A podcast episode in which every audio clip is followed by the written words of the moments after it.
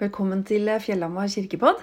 Jeg heter Elisabeth Lund er prest i Fjellhamar kirke og har tenkt å prøve å gjengi omtrent sånn som preken var i gudstjenesten i dag, på 27. juni.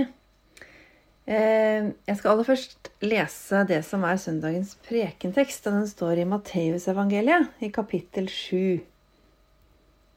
Ikke enhver som sier til meg, Herre, Herre, skal komme inn i himmelriket men den som gjør min himmelske Fars vilje.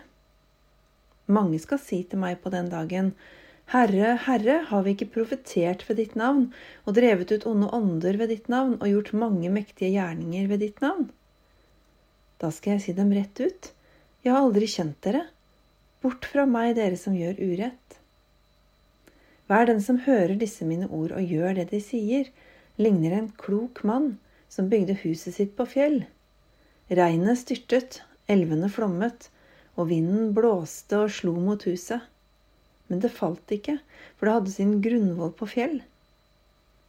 Og hver den som hører disse mine ord og ikke gjør det de sier, ligner en uforstandig mann som bygde huset sitt på sand. Regnet styrtet, elvene flommet, og vindene blåste og slo mot huset. Da falt det, og fallet var stort. Da Jesus hadde fullført denne talen, var folket slått av undring over hans lære, for han lærte dem med myndighet og ikke som deres skriftlærde. Slik lyder Herrens ord. Det var en uh, periode der uh, mannen min Eivind han syntes at jeg så på utrolig mange interiør- og oppussingsprogrammer på TV. Og jeg kan jo for så vidt være enig i at det ble kanskje litt vel mange. Det var veldig deilig, syns jeg, å slappe av med å se på at man kan gjøre noen ganske enkle ting, og så få ganske stor forandring. Noen ganger så lurer jeg på om det kan være litt sånn at vi, at vi lengter etter større forandringer i livet også. Men at det kan virke såpass eh, uoverkommelig å få til. At vi heller konsentrerer oss om interiøret, på en måte. Så det i hvert fall ser bra ut, da. De ytre tingene. Det kan være gøy med interiør, men når det gjelder å bygge hus, så skjønner til og med jeg som aldri har bygd hus, at det er enda viktigere å ha en solid grunnmur som står på et trygt sted. Hvis ikke huset står trygt, så betyr ikke fargen på veggen like mye som folk kan tro. Jesus forteller om en mann som bygde huset sitt på fjell. Og det huset ble stående når stormen kom. Og så var det en annen mann som bygde huset på sand. Og det ble revet bort av stormen. De husene Jesus snakker om, er jo bilder på livet vårt. Og fjellet og sanden er bilder på hva vi bygger livet vårt på. Jesus utfordrer alle som har hørt budskapet hans, til å ta et valg. Det er forskjell på å bygge på sand og bygge på fjell.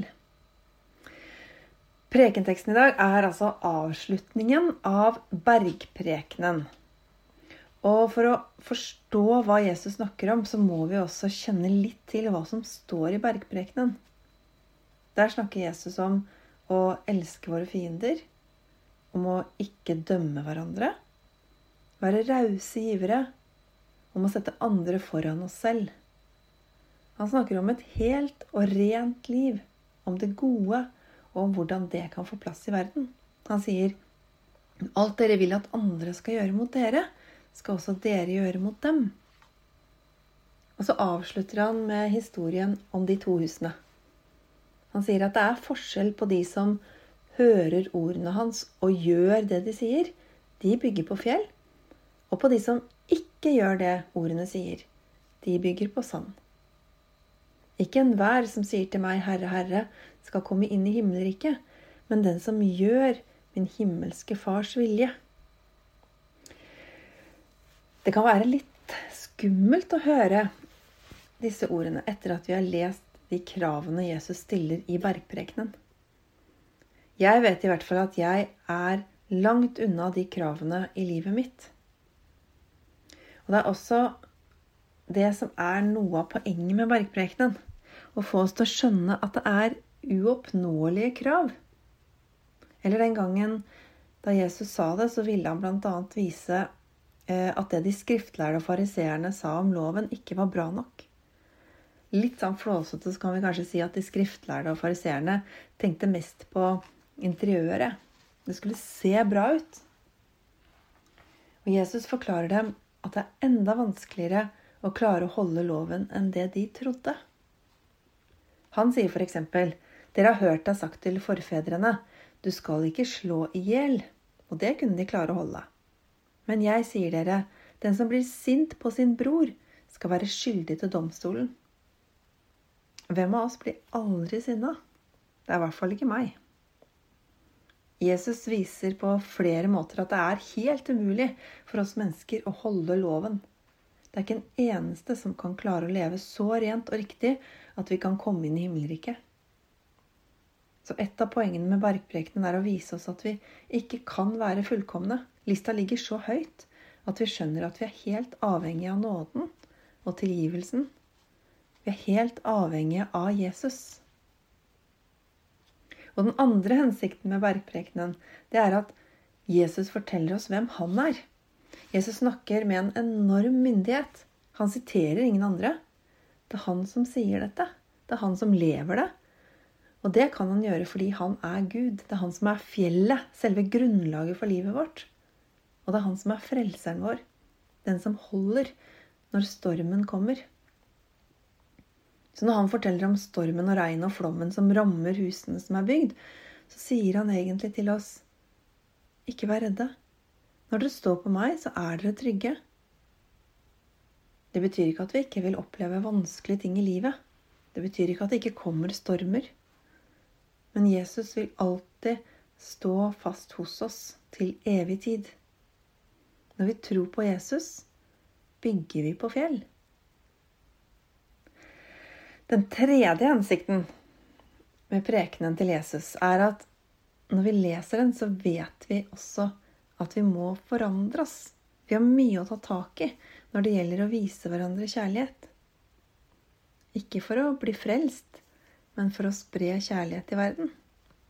Altså, Jesus er fjellet. Vi er avhengig av ham for å bli frelst. Og vi har mye å strekke oss etter når det gjelder å gjøre gode ting for hverandre. Men så er det også kanskje flere enn meg som kjenner at det støkker litt i oss også når Jesus i prekenteksten sier 'Bort fra meg, dere som gjør urett'. Det er mye snakk om å gjøre det riktige. Hva er det Jesus vil at vi skal gjøre? Svaret på det finner vi overalt i Det nye testamentet. Men det sies veldig tydelig i Johannes 6, vers 28-29. Da sa de til ham, Hvilke gjerninger er det da Gud vil vi skal gjøre? Jesus svarte, Dette er den gjerning Gud vil dere skal gjøre Tro på ham som Gud har sendt. De skriftlærde og fariseerne den gangen de mente at de kunne holde loven og dermed frelse seg selv.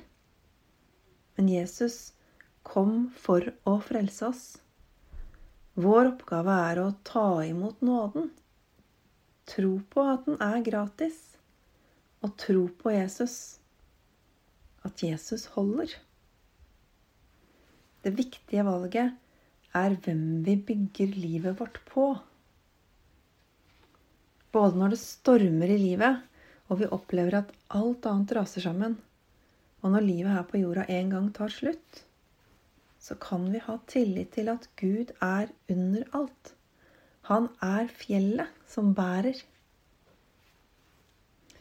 Og så tror jeg det er sånn at når vi tar imot og tror at Jesus er Gud, så vil vi også bli påvirka av ham av hans kjærlighet til oss og til alle mennesker. Men vi er sammensatte som mennesker, og vi gjør både gode og vonde ting. Men hos Jesus vil vi hele tiden bli minna om å si unnskyld der vi feirer, feiler, og igjen og igjen vende oss mot det gode. Det som jeg synes er veldig, eller Noe av det da, som jeg syns er veldig fint med kirken og med menigheten, det er at der gjør vi det som et fellesskap. Både det å tro, det å be om tilgivelse og det å velge å gjøre noe godt for andre. Noen ganger står du sterkt i det, og andre ganger jeg. Og så kan vi støtte hverandre, bære hverandre fram og hjelpe hverandre til å bygge på fjell.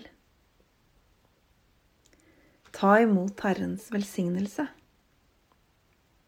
Herren velsigne deg og bevare deg. Herren la sitt ansikt lyse over deg og være deg nådig. Herren løfte sitt åsyn på deg og gi deg fred. Amen.